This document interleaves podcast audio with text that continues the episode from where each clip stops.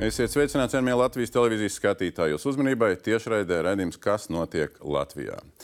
Ir 728. diena kopš Krievijas pilna apjoma iebrukuma Ukrainā 2022. gada februārī.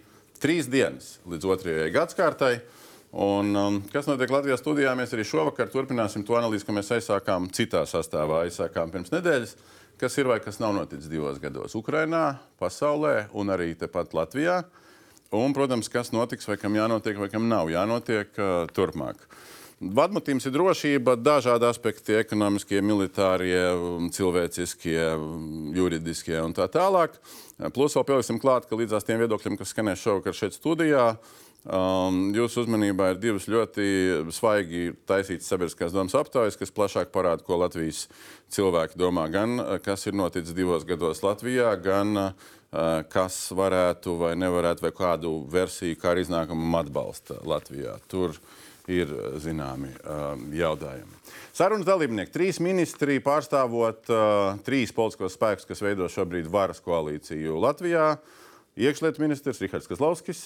Labvakar. Ekonomikas ministrs Viktors Valainis Labvakar. un uh, aizsardzības ministrs Andris Sprūts. Labvakar. Iepratīm viņiem trīs nepolitiķi, trīs dažādās jomās un pieredzēs aizdītajos divos gados. Vēl aizvien bloga Varbungas uh, autors, vēl aizvien NBS rezerves virsnieks Mārtiņš Vērdiņš. Vēl aizvien uh, darba devēja konfederācijas prezidents un uzņēmējs Andris Bite. Labvakar. Un vēl aizvien atbalsta Uh, Ukrainai dažāda veida atbalsta organizētājs, biedrības tēva draugu vadītājs Ulris Noviks. Labvakar. Es tāpat kā pagājušā trešdienā, es, mums ir vairāk video sagatavot no jaunākām un, un no senākām sarunām šo divu gadu ietvaros, un es gribētu arī šo sākt ar uh, vienu no tādām. Verdiņkungs toreiz piedalījās, uh, Sprūtkungs toreiz vēl nebija uh, ievēlēts politiķis un ministrs uh, vēl netuvu. Uh, Bija pagājis pusgads, kad mēs runājām, kas ir vai kas nav noticis pusgadu laikā. Tagad ir pagājuši četri pusgadi. Un Vērniņa kungs runāja par izturības karu. Tas skanēja šādi. Tas, par ko runā kolēģi, runāja par diviem, trim gadiem, un ilgstoši konflikts, principā saucās karš uz izturību. Tātad izturības karš un tam līdzīgi. Un šeit ir jāsaka, ka ja Eiropa nav gatava šobrīd atvērt savus ieroču noliktavus un mobiliz, mobilizēt savu militāru rūpniecisko kompleksu. Kurās atbalst... viņiem ir tas resurss? Viņi, resursi viņiem ir, jā. Tādā gadījumā, tādā gadījumā, lai Eiropa ir gatava uzturēt Ukrainu pie dzīvības visu šo, šo ilgstošo karu uz izturību. Divi gadi tūlīt apkārt. Nu, mēs zinām, es te uzlikšu vienu no tām starptautiskām kartēm, kas rāda, cik uh, Krievija ir okupējusi Ukrainas teritoriju. Nu, tur vēl Piedņestra kreisā pusē uh, redzama Verdiņkungs. Kā ir gājis izturības karš? Izturības karš, ja mēs runājam par iepriekšējo gadu. Jā. Diviem. Diviem? Nu. Pusotru, nu, ja pret to citātu. Jā, ja, ja pret to citātu, jā, tad jāsaka, ka principā to, ko gaidīja, to, ko gaidīja profesionāļi, tas arī notika. Ka karš no, no ātras operācijas uh, pārvērtās par karu uz izturību, kur abas puses ir izsmēlušas uz šobrīd lielā mērā uzbrukuma, uzbrukuma resursus. Tas nozīmē, ka abas puses ir gatavas aizstāvēties, viņiem tas šobrīd var izdoties, bet nevienai nav pietiekama resursa, lai iet uzbrukumā. Un vai nu atrisināt, sasniegt savus politiskos mērķus, vai nu ieņemot visu Ukrainu, vai nu atbrīvojot Ukrainu līdz 91. gada robežai. Tātad militāri šobrīd ir strupceļš. Bet jūs teicāt, toreiz piesaucāt, ja Eiropas valstis atvērs tās munīcijas, savas kapacitātes, kas ir noticis? Viņi, viņi atvēra daļēji. Daļēji. Daļēji. Bet nevar teikt, ka neatvēra. Bet nepietiekami. To mēs visi zinām šobrīd. Kāpēc? Tas ir jautājums politiķiem. Jūs politiķi atbild, eh, saliekam kopā tādus īsos skatus kopējos.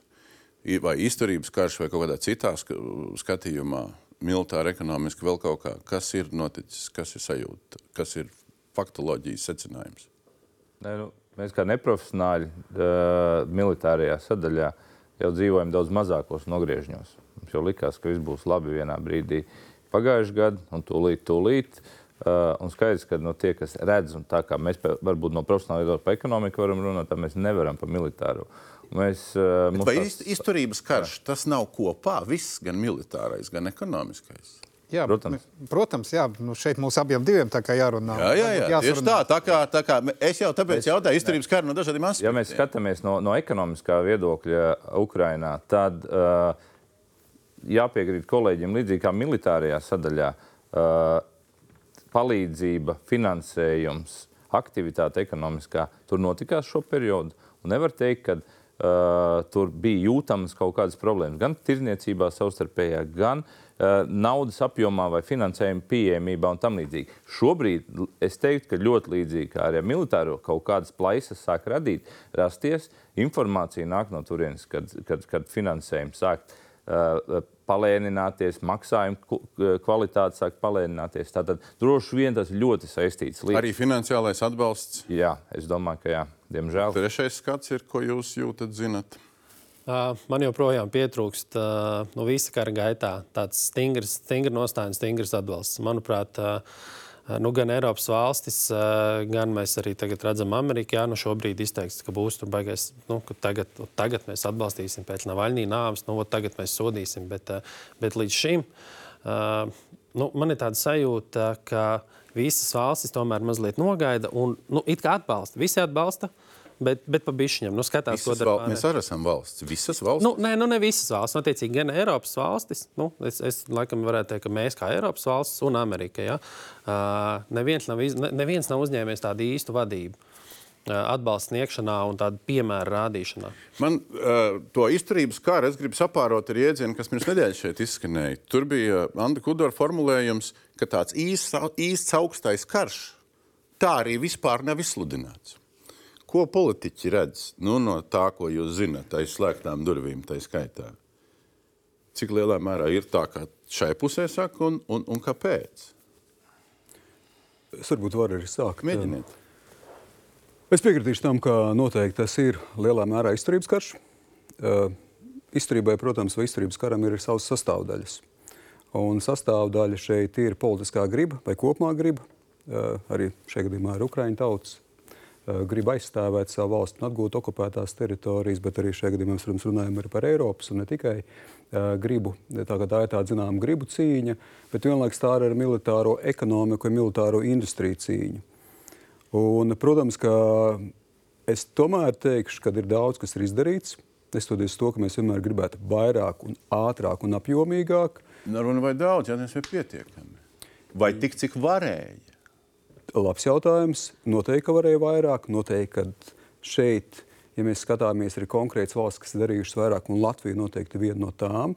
Bet absolūti ir bijusi tā iespēja darīt vairāk, bet vienlaikus, protams, mums jānorāda arī uz struktūriskiem ierobežojumiem. Kāpēc nedarīja vairāk? Tieši tā. Kāpēc?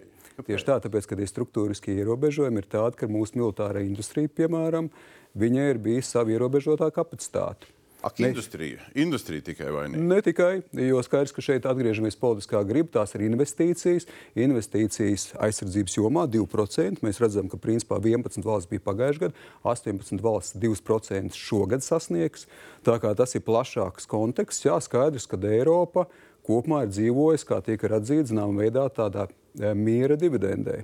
Respektīvi, šis caitena vende, ja pārmaiņa laiks, jeb arī apziņas maiņa, tā ir notikusi. Eiropas pēc vairākums 20. nav atjēdzies vēl aizvien. Jūs sakat, šajā brīdī jūs to faktiski pasakāt. Nē, nē, nē, nē. vairākums nav atjēdzies. Nu, ja miera dividendi, nu kā? līdz 24. februārim.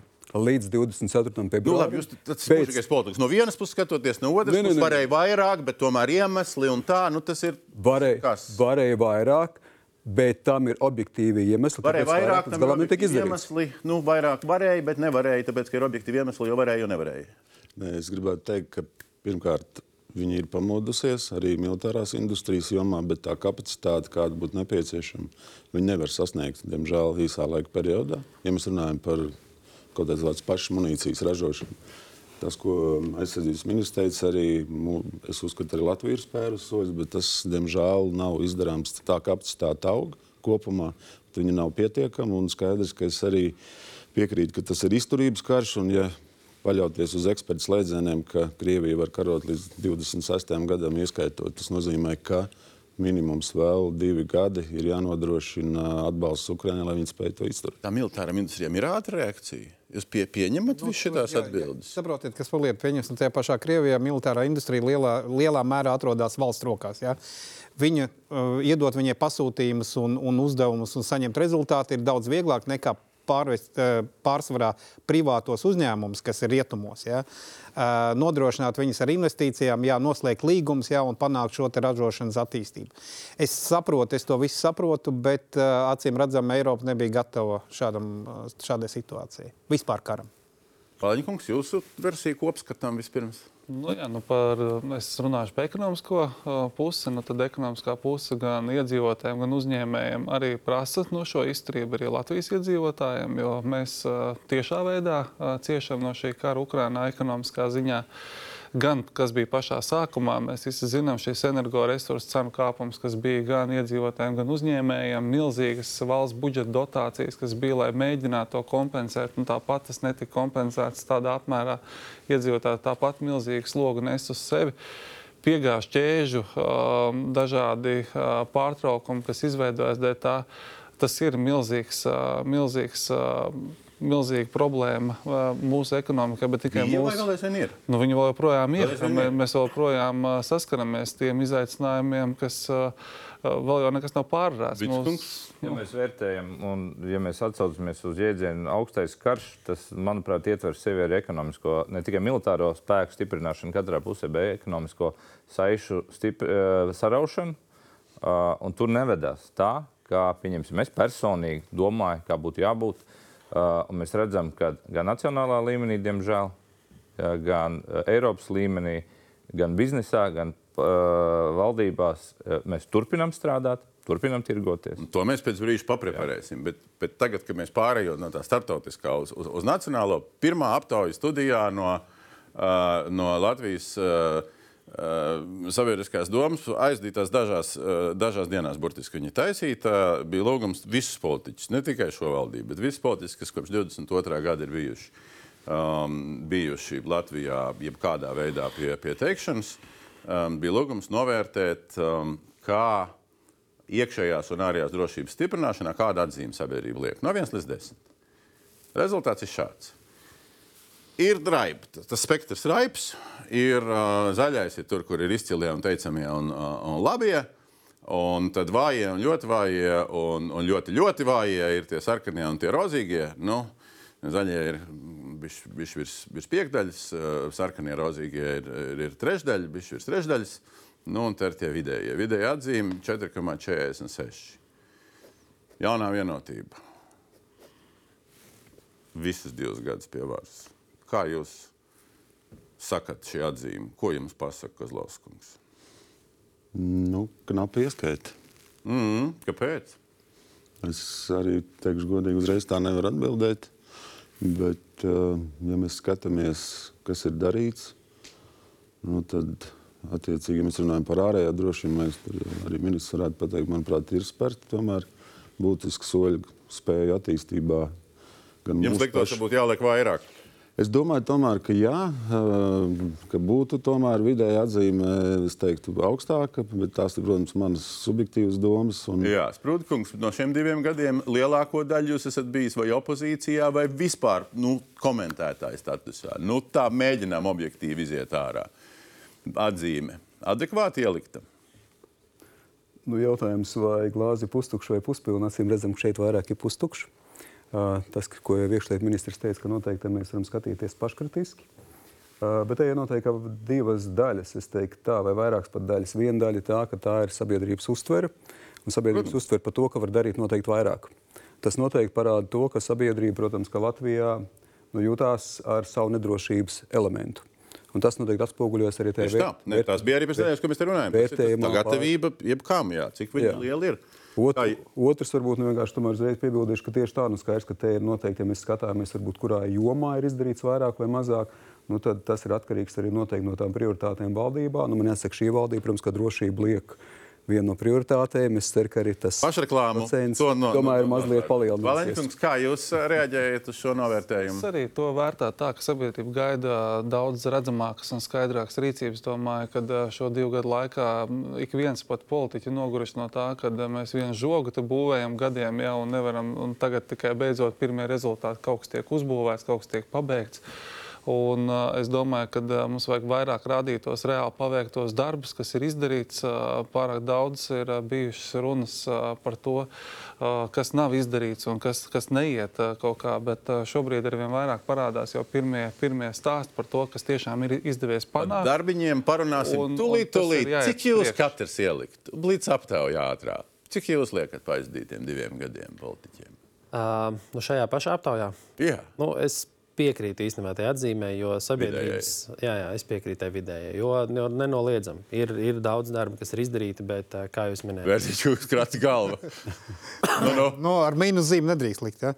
A, nē, var, var, jā, mēs speciāli šajā Nē, sarunā nē, varam. es, es pateikšu, protams, ka es lieku trīs no desmit. Tas ir viennozīmīgi. Ja? Es pat, paskaidrošu arī, kāpēc. Jā. Īsumā ja? mums joprojām visas, viss labais, kas ir, kas, kas ir iecerēts, un tā viss ir uh, deklarāciju, koncepciju un uh, plānu līmenī. Ja? Uh, lai varētu uzliekt labāku atzīmi, arī žurnālistiem jāsāk prasīt nevis, uh, ko mēs stiprināsim, ja? bet kas ir izdarīts un kas jau šobrīd atrodas attiecīgi noliktavās. Atļauju, kā tieši arī jāprasa. Labi, trešā atzīme. Es teiktu, starp 4 un 5 no tā viedokļa, nu, tas ir tieši sajūtu līmenis. Ja? Jo iespējams, ka militārajā un tajā sadaļā ļoti daudz ir izdarīts, ko mēs nezinām un varbūt nedrīkstam zināt. Bet mūsu iesaist, kā sabiedrības, kā uzņēmēji, liek sajusties, ka uh, mēs daudz gribētu skaidrāku situāciju un lielāku iesaist paši no, no, no, no valsts puses. Nu, tad ejam soli pa solim. Ekonomika. Tā bildīte um, ir šobrīd šāda. Es uzlikšu viņu arī te uz liela ekrāna, atstāsim uz maza ekrāna. To. Tātad uh, ārējā tirzniecība Krievija un Baltkrievija. Divas līknes. Divas sarkanās līknes ir imports. Kurš no Krievijas ir nokrities, bet nu, skaidrs, ka tas ir primāri pateicoties energoresursu importa samazinājumam. Un Baltkrievijas viņš nu, baigi tur nav nekas baigi tur samazinājies.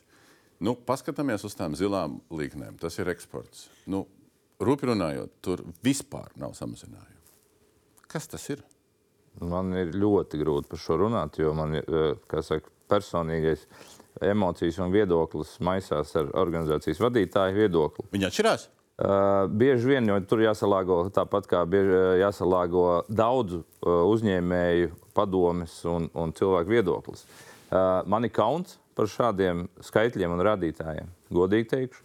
Uh, un dzīvojot savā burbulī uh, ar saviem draugiem, ar saviem uzņēmējiem, uh, tu dzīvo vienā sadaļā, kurā nogriež jebkādas saites un ir pieņēma lēmumu ātri, pieņēma lēmumu neatgriezeniski, ne eksportēt, ne pirkt, ne piedalīties. Un ir otra daļa, kas to nedara vai apstākļos, kad viņi ir spiesti to nedarīt, vai izvēlās tāpēc, ka tas ir izdevīgi.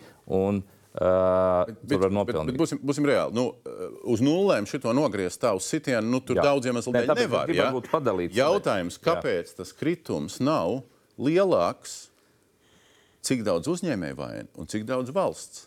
Nu, es teiksim tā, uh, pirmkārt, uh, uzņēmējs pats ir tas, kurš pieņem lēmumu piedalīties vai nepiedalīties šajā pasākumā. Pirmkārt, Kā pircējs pērkot veikalā preci, tā Pirmkārt, arī uzņēmējs. arī piedaloties. Labi. Padiskutējam par šo. Nu, jaunā vienotība, es tomēr sāku Kazlovs kungs ar jums, lai gan tas nav tiešais jūsu lauciņš. Lai gan kā budžeta komisijas un nodokļu komisijas deputātam, kas šai sasaukumā ir strādājis, arī jūsējais.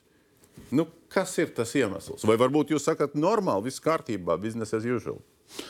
Nē, nu, skaidrs, ka tam, tas cipars, kas ir, viņš ir diezgan konstants, viņš ir krities, bet jebkurā gadījumā es gribu teikt, ka es saprotu, kā jūs pats arī teicāt, ka to nogriezt tā uzreiz nevar. Ja mēs skatāmies arī par šo importu, par ko mēs runājam. Un, Tā problemātika ir, ka nu, faktiski, ja mēs paskatāmies uz Baltijas reģionu, vai uz Somiju, vai uz Igauniju, Lietuvu, nu, tur man liekas, ka mēs, diemžēl, nevis diemžēl, bet mēs darām daudz vairāk.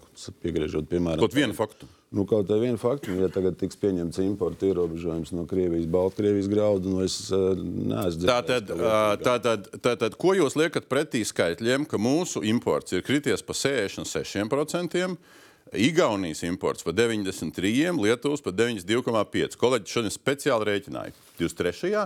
pret 21. gadu, lai būtu korekti, pret 21. Jā, bet tie apjomi absolūtos skaitļos. Absolūtos skaitļos, skaitļus studijā. Lietuvas eksports e, zilais ir vienīgais, kas nu, izskatās diezgan nežēlīgi. Tur gan ir eksports, reeksports, tur varētu detaļas analizēt. Ja? Bet tā tad nu, mūsu imports absolūtos skaitļos ir divreiz lielāks par Lietuvu un, un, un cik tur četreiz, ru- nopaļojot par Igauniju. Četreiz par Igaunijas importu. Četreiz. Nu, ko mēs darām vairāk? Un, un eksports divreiz lielāks nekā Igaunijas. Es par to liešu eksportu tiešām neesmu detaļās iedziļinājies, bet nu, nu, es neredzu, ka tur kaut kas ir darīts. Valeņkungs. Būtu vērts tomēr iet uh, dziļāk detaļās. Ejam detaļās, super. uh, Būtu vērts tomēr iet dziļāk detaļās un uh, pētīt šo skaitus. Tomēr man ir tas fakts, ka Latvija ir robeža valsts ar Krieviju. Igaunija nav, un, uh, arī Igaunija ir un, un arī Lietuva. Lietuva bet, uh, Bet, bet, Baltkrievija. Bet, bet tas, kas ir jā, jāņem vērā, jāņem vērā tomēr ir fakts, ka tās preces, kas ienāk iekšā Latvijā, kas fiksējās kā Latvijas imports, viņas nonāk Eiropas Savienības tirgu un vienkārši viņas šeit tiek atmuitotas.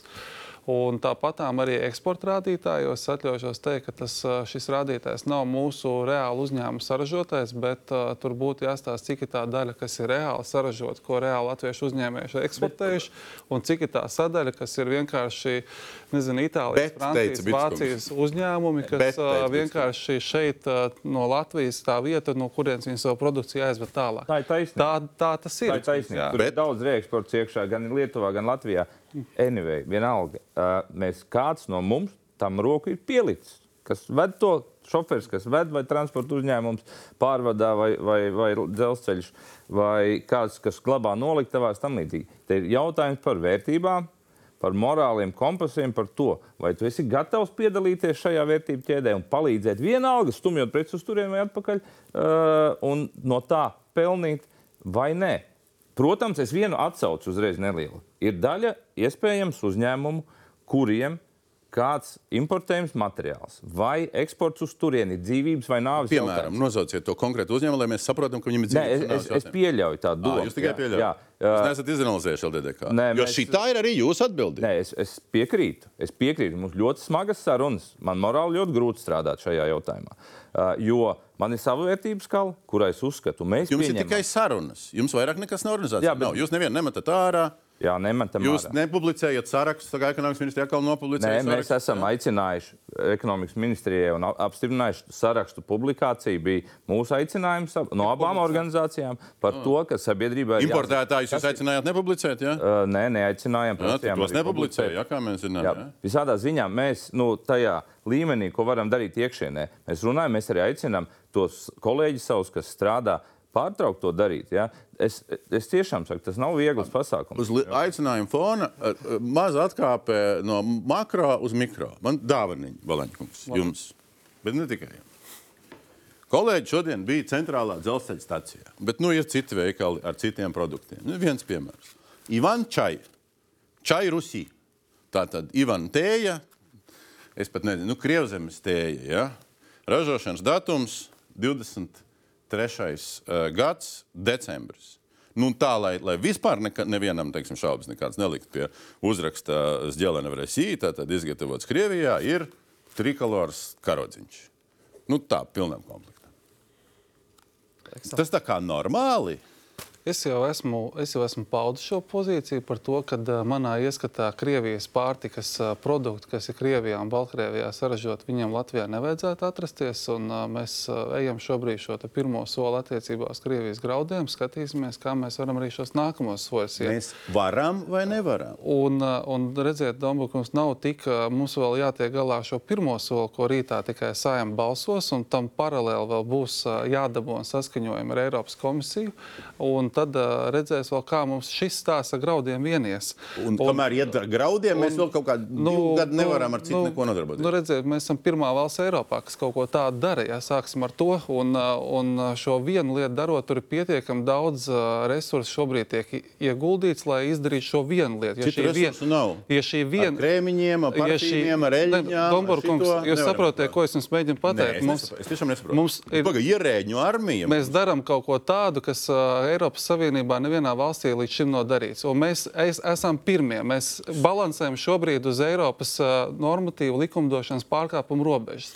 Mēs to izdarot ar graudiem, ja mēs to izdarīsim pareizi, ja mūsu Eiropas komisija to neaizliegs Labi. izdarīt, ja tas tā es notiksies, tad mēs varēsim arī grūti, iet tālāk. Tas nav tik viennozīmīgi. Okay. Bet, nē, nu, Domburgs, beidziet tik vienkārši pieiet. Šis nav vienkārši jautājums, kuru tā var vienā dienā hops un atrisināt. Ivan Čajam ir sarežģīts. Ja ir sarežģīts, izstāstiet konkrēti, kas preču, ja mēs, ja mēs esam vienotā Eiropas tirgu un mēs pārdodam savas produkcijas Vācijā, Francijā, Portugālē, mēs esam vienotā tirgu, tam ir nosacījumi. Kāpēc Labi. mūsu uzņēmumi to Labi. var darīt? Ļaujiet man pabeigt. Ļaujiet man pabeigt.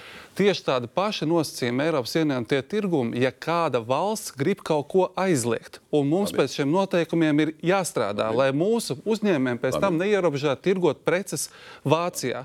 Līdz ar to Labi. mēs ejam šo pirmo soli, mēs viņu iziesim, Tagad. un ja tas būs veiksmīgs, mēs aizliegsim arī Tagad. šo Ivan Čai. Ļaujiet man pajautāt. Tieši tā. Ivan Čai uh, importē Viola Farma Sijā. Nezinu, vai ir kāda organizācijā, varbūt ir, varbūt ka nav. Nezinu, neesmu pārbaudījis.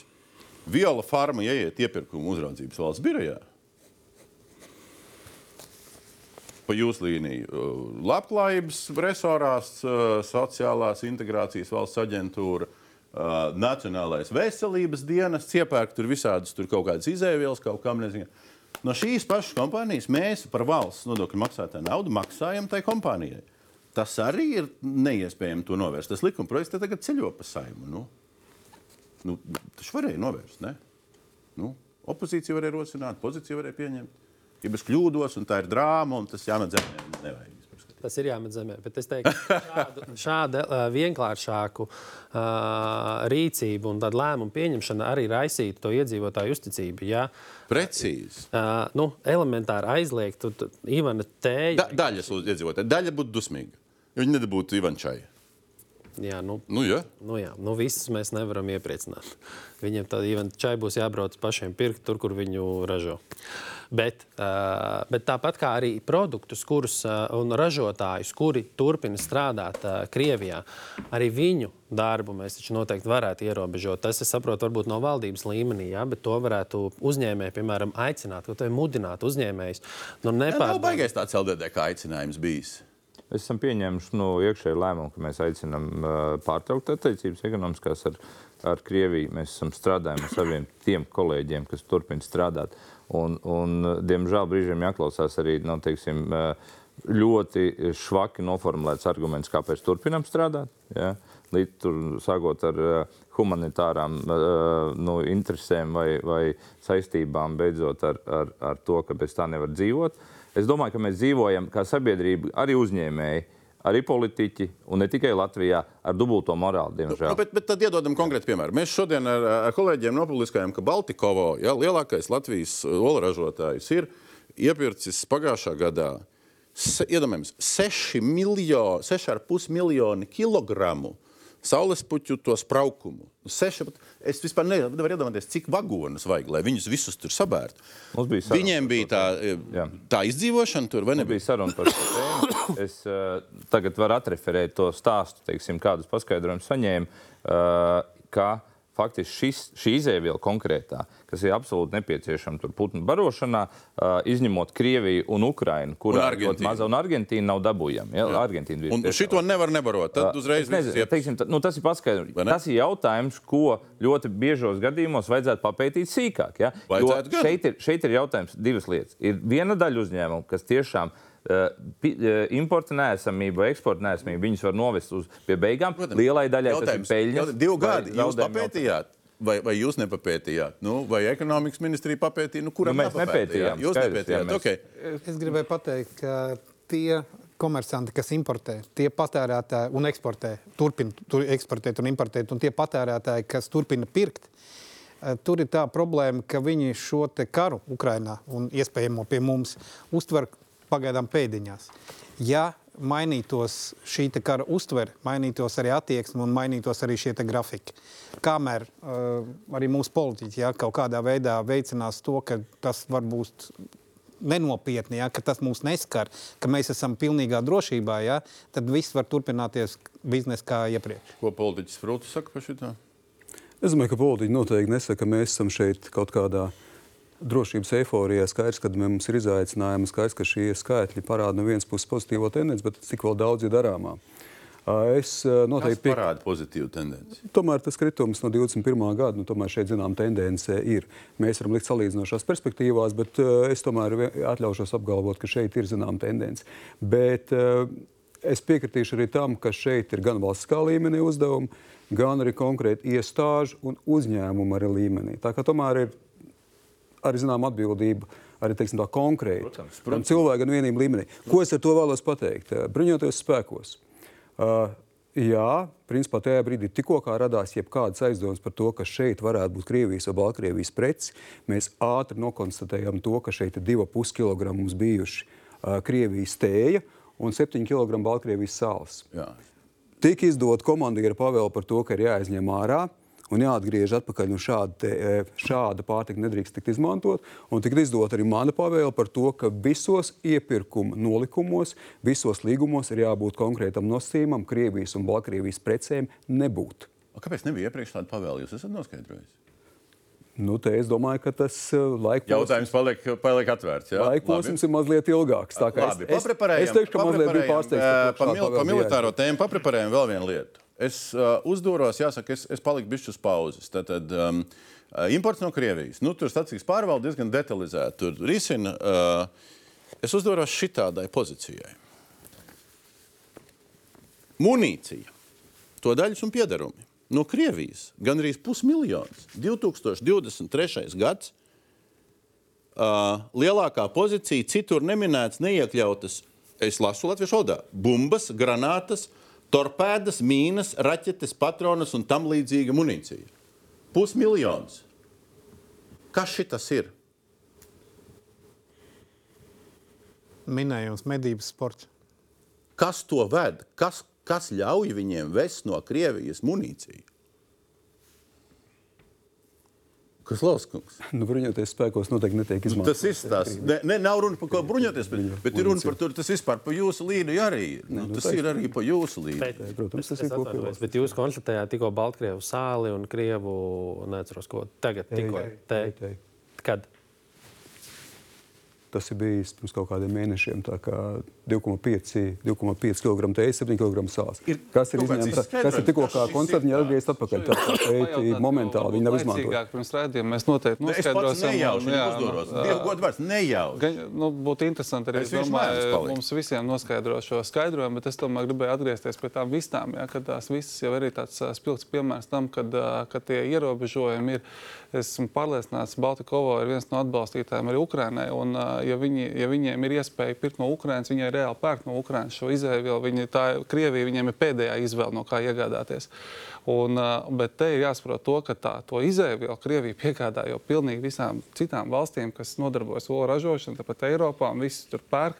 Un, ā, un tāpēc ir ā, svarīgi par tām sankcijām, tas, ko mēs arī šobrīd darām, runāt ne tikai Latvijā par savu vietējo tirgu, bet Eiropas līmenī, lai tās sankcijas tiešām būtu efektīvas.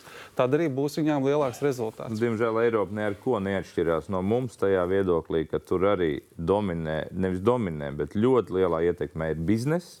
Un šodien neslēpsim ar Krieviju. Tas, kas nav aizliegts, ir atļauts, un bizness ir ļoti izdevīgs. Nu, Tad ir tikai jautājums par morālām, tālāk jautājumiem. Tu esi gatavs strādāt vai nē, jo strādāt ir ļoti izdevīgi. otrs Arī morālais- manā personīgā biznesā varbūt. Mēs drīkstam šodien pirkt un pārdot. Mēs to nedarām, tāpēc, ka negribam. Bet izdevīgums ir daudz lielāks nekā šodien. Jā, jā, bet mans jā. jautājums, jau, ko es te iepriekšējā piemērā teicu, jautājums ir par to, vai valsts sadarbojas ar šiem. Tas, ka viņš privātā sektorā to, kas atļauts, dara, labi. Nu, tas nav Bet labi. jautājums, vai nē, nu, tādā ziņā, ka nav labi, bet tā ir privātā sektora darīšana. Bet, ja valsts vienlaicīgi no viņa iepērk, vēl, un, un tas nozīmē viņa biznesu, pa- palielina. Tas ir cits jautājums, manuprāt, ar ko es neattaisnoju biznesa vidi. Ja? Bet tas ir otrs stāsts, un Valaņkungs un vispārējie. Mēs paziņojām, ka mēs ā, pārtraucam gāzi varonīgi un klusu, klusu propāna gāzi no Krievijas. Ne tikai nāk iekšā, ne tikai iet mašīnās, ne tikai iet privātmāju apkurē, bet ir pašvaldības, un ne viena, un ne divas, un ne trīs, un ir iestādes, kas pērk. Iekšlietu resorā jūs zināt, kas pērk propāna gāzi? Mums ir eh, uz propāna gāzes aptuveni 20 objekti, nepilni, kas ir vogti objekti. Jā. Un, eh, līdz ar to, protams, ka daļa no viņiem, diemžēl, turpina izmantot šo apkuru, jo mums neizdevās uz, uzbūvēt līdz galam tos krīzes pārvaldības centrus, kur nebūtu šāda te apkura. Uh, vai tā ir tieši Krievijas gāze? Nu, tas ir, cik man teica, ka iepirkumā tomēr piegādātājs ir rakstveidā apliecinājis, ka šī gāze nav pirkta no Krievijas. ka, no, ka nodrošināja valsts aģentūra no Latvijas propāna gāzes nepērk ne grama Krievijas gāzi. Nu, es varu pateikt to, ka es neesmu, protams, vēl nu, teiksim, pats apsties, bet man ir informācija, ka ir šis apliecinājums, ka tā nav Krievijas gāze.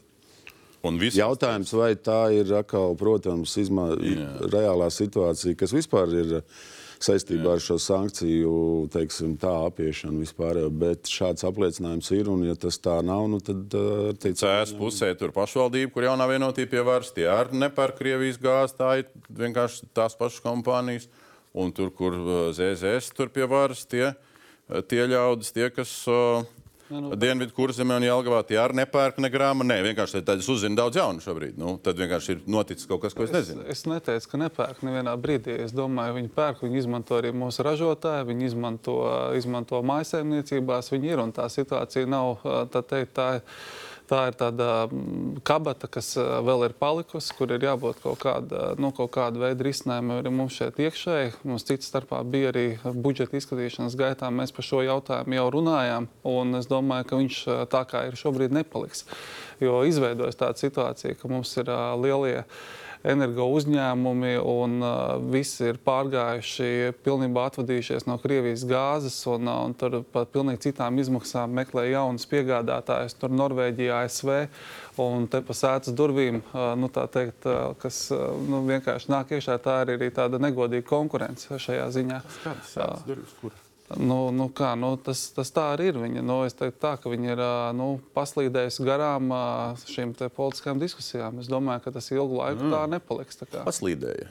E- Es teiktu, ka tam, tam procesam būtu jābūt sekojošam. No, no tā viedokļa Jā. mēs tiešām uzskatām, ja mēs visi uzskatām, valsts puse, uh, biznesa un sabiedrība, ka mēs ne, jebkādas fin, uh, saimnieciskās attiecības ar Krieviju pārtraucam, tad iespējams, jo gadu desmitiem mēs esam dzīvojuši ļoti saistītā vidē, kurā mēs pirkām, pārdevām, un daudz kas ir teiksim, iespējams dabūjams tikai no Krievijas. Tad mums būtu jābūt tam sarakstam. Ši, bez šī tiešām, varbūt, nezinu, ir kaut kādas strateģiskās nozīmes preces, vēl kaut kādas lietas, bez kā mēs nevaram izturēt. Citur nav kur aizvietot. Tad tas ir atbildi. Protams, Un aizvietošanas ir- jautājums. Propāna Pār- gāze. Vispār, nu, tā kā Orlens, es pieņemu kaut ko ražo Polijā, propāna gāzi no citiem avotiem. Es pieļauju. Somijā pilnīgi noteikti propāna gāzi ražo uh, nu, no Norvēģijas resursiem. Nu, to diezgan droši. Avoti man stāstīja, nu, principā viņi var atvest. Latvijas dzelzceļš.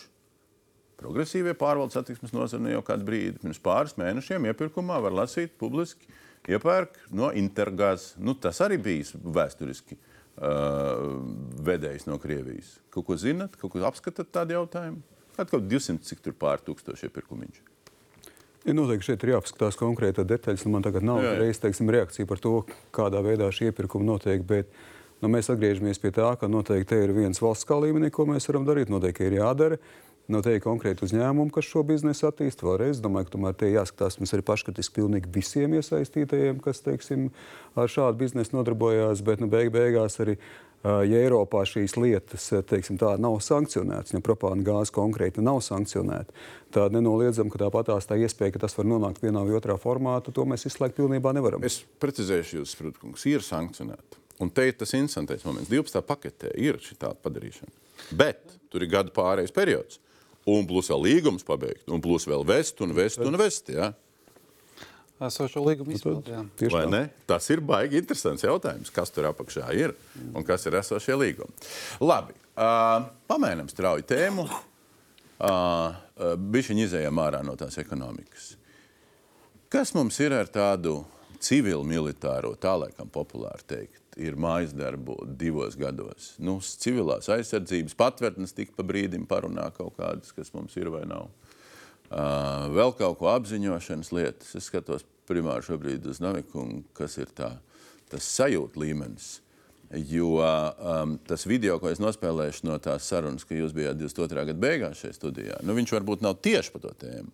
Viņš bija saistīts ar bēgļu jautājumiem, bet man liekas, viņu varētu arī um, paplašināt. Tas, tas jūsējais teksts bija sekojošs.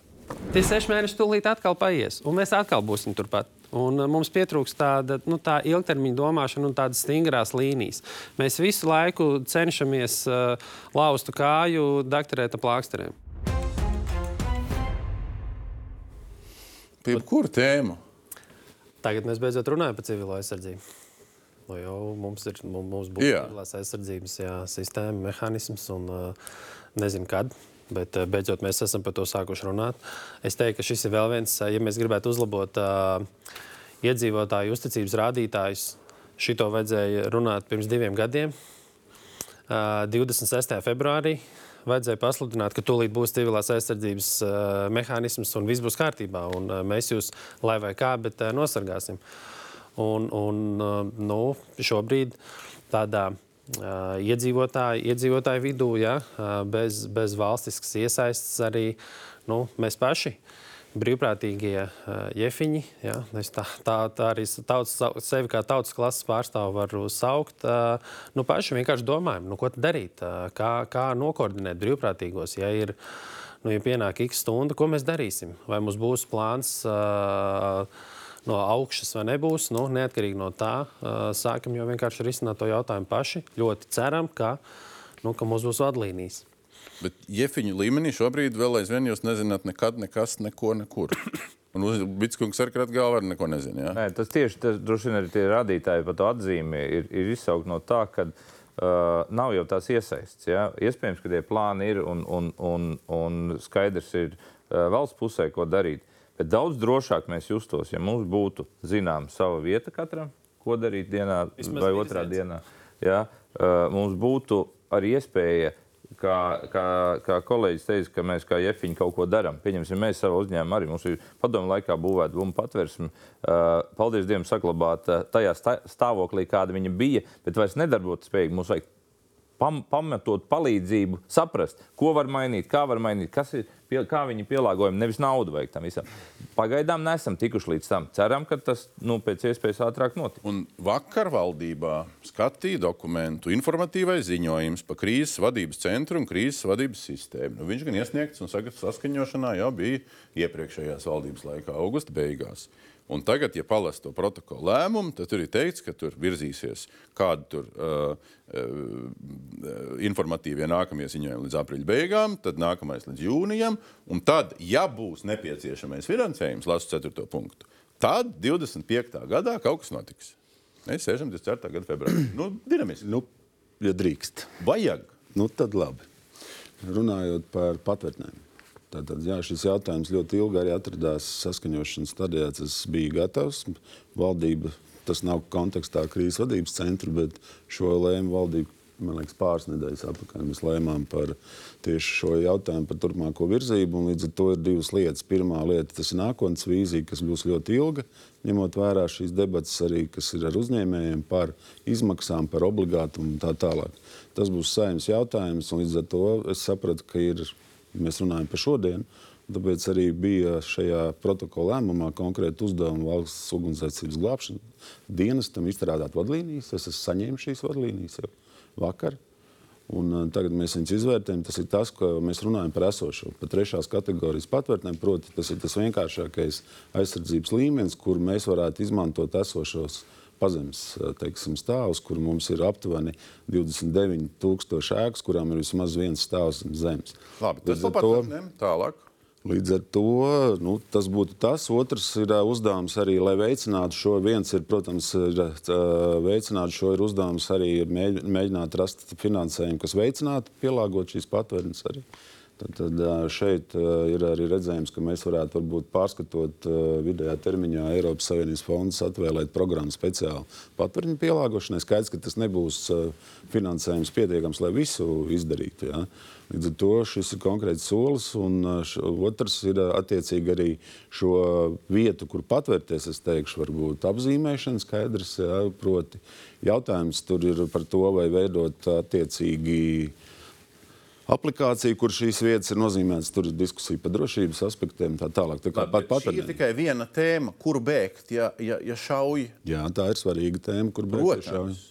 Bet ir vēl virkni citu lietu. Ir vēl kaut kādā citā virzienā, ko pateikt, ko iefiņiem gaida. Apraides ap, apziņošanas sistēma, šūnu apraides sistēma šis gads ir noteikts kā izpildes termiņš, lai šī sistēma darbotos. Tas ir arī informācijas centram kā prioritārais uzdevums, proti, lai būtu iespēja apziņot uh, mūsu sabiedrību iedzīvotājs, gan kopumā valstī, gan reģionālā griezumā. Arī tas notiktu arī attiecībā uz ārvalstniekiem, kur pieslēdzās mūsu operatoru tīkliem. Tas ir otrs.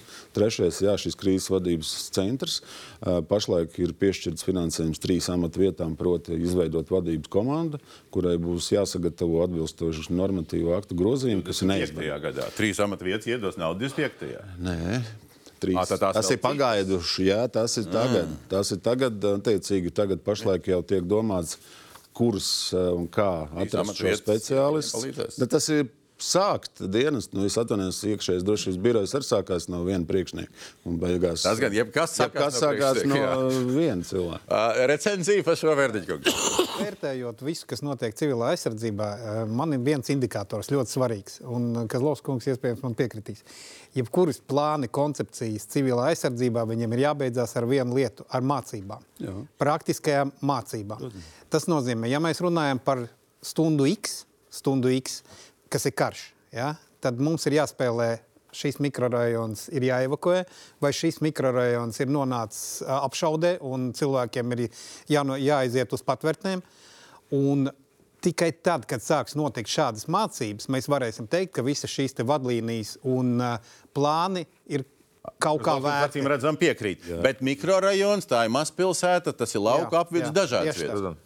Sākot ar ēku. Bija mācības?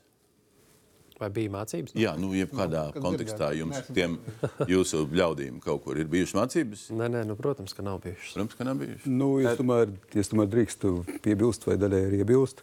Uh, Civilās, ne militārās mācības, protams. Civil militārās, respektīvi arī es pats dodos tagad uz Latgali, kur es tikšos ar civilās aizsardzības komisijām. Uh, ir, protams, šobrīd mēs strādājam arī, jā, strādājam pie vadlīnijām. Uh, bet ir notikušas konkrētas mācības, mācības ar pašvaldībām Pilskalns ir notikušas mācības ar iestādēm gan Amerikas, gan arī Namē ietvaros. Ir Iefiģiem vienkārši tā kā, nav mācību. Nā, es gluži, tā, es gluži negribu teikt, bet jā, jā, pakomentējam. Mā, māc, mācības notiek, tā kā skaidrs, ka iespējams kādā brīdī, ka viss nav iesaistīts, un tas noteikti ir mudinājums, ka šeit ir pēc iespējas plašāk un tiešām ir jāaiziet iespējams varbūt pat uz mikrorajonu mācībām, bet kopumā mācības notiek un tās tiek izvērstas ar vien plašāk. Tā kā es šobrīd tomēr negribētu piekrist, ka mācība nenotiek. Notiek mācības. Es piekritīšu tajā sadaļā, kad mācības ir bijušas, eh, ka ir dažādi kategoriju uzņēmumi. Droši vien tur tā pilni to nevar stāstīt, bet teiksim, tiem, kas ir iekļauti vai plāno viņus iekļaut kādās kategorijās, ir bijuši. Tie kritiskās, kā viņi sauc, infrastruktūras objekti. Nu, man dažādi uzņēmēji dažādi liecina. Jā, jā, bet, bet jā. Nu, es esmu tur bijis. Jā, attiecīgi, kas iztrūkst? Viņas ir notikušas, bet kas iztrūkst, bija izspēles, kurās pārbaudīja gatavību kaut kādos momentos un rīcības plānu Bet atpakaļ, eh, un es, nu, vairākas ir bijušas, atpakaļ nu, feedback vai kā var teikt, informācijas par to, kas tev ir darāms, lai tu sagatavotos tam, kā šis eh, objekts. Diemžēl nav bijis. Esam prasījuši vairākas reizes. Mums vajag dziļāku iesaisti, tālāk atpakaļ. Kas mums jāsagatavo? Kas? Mēs, mēs ejam tādu pašu ceļu, paši izdomājam. Labi, būvēsim eh, ģenerators, liekam, kas var finansēt, bet šī vadības un šīs kompetences pateikt, šo darat, šo nedarat, šo mēs nodrošināsim, nav šobrīd bijis. Nu, Bet kaut kāda no nu, tās sadaļas. Ja mēs ir... runājam par kritiskās infrastruktūras objektiem, mums ir attiecīga klasifikācija pēc normatīvā ABC Es gribētu dzirdēt konkrētu šādu infrastruktūras objektu, kurš nezina, kā ko darīt. Nu, Es, ir pārlie... es esmu pārliecināts, ka valsts drošības dienas ļoti nopietni sevišķi pēdējā Ja pusgadā strādā.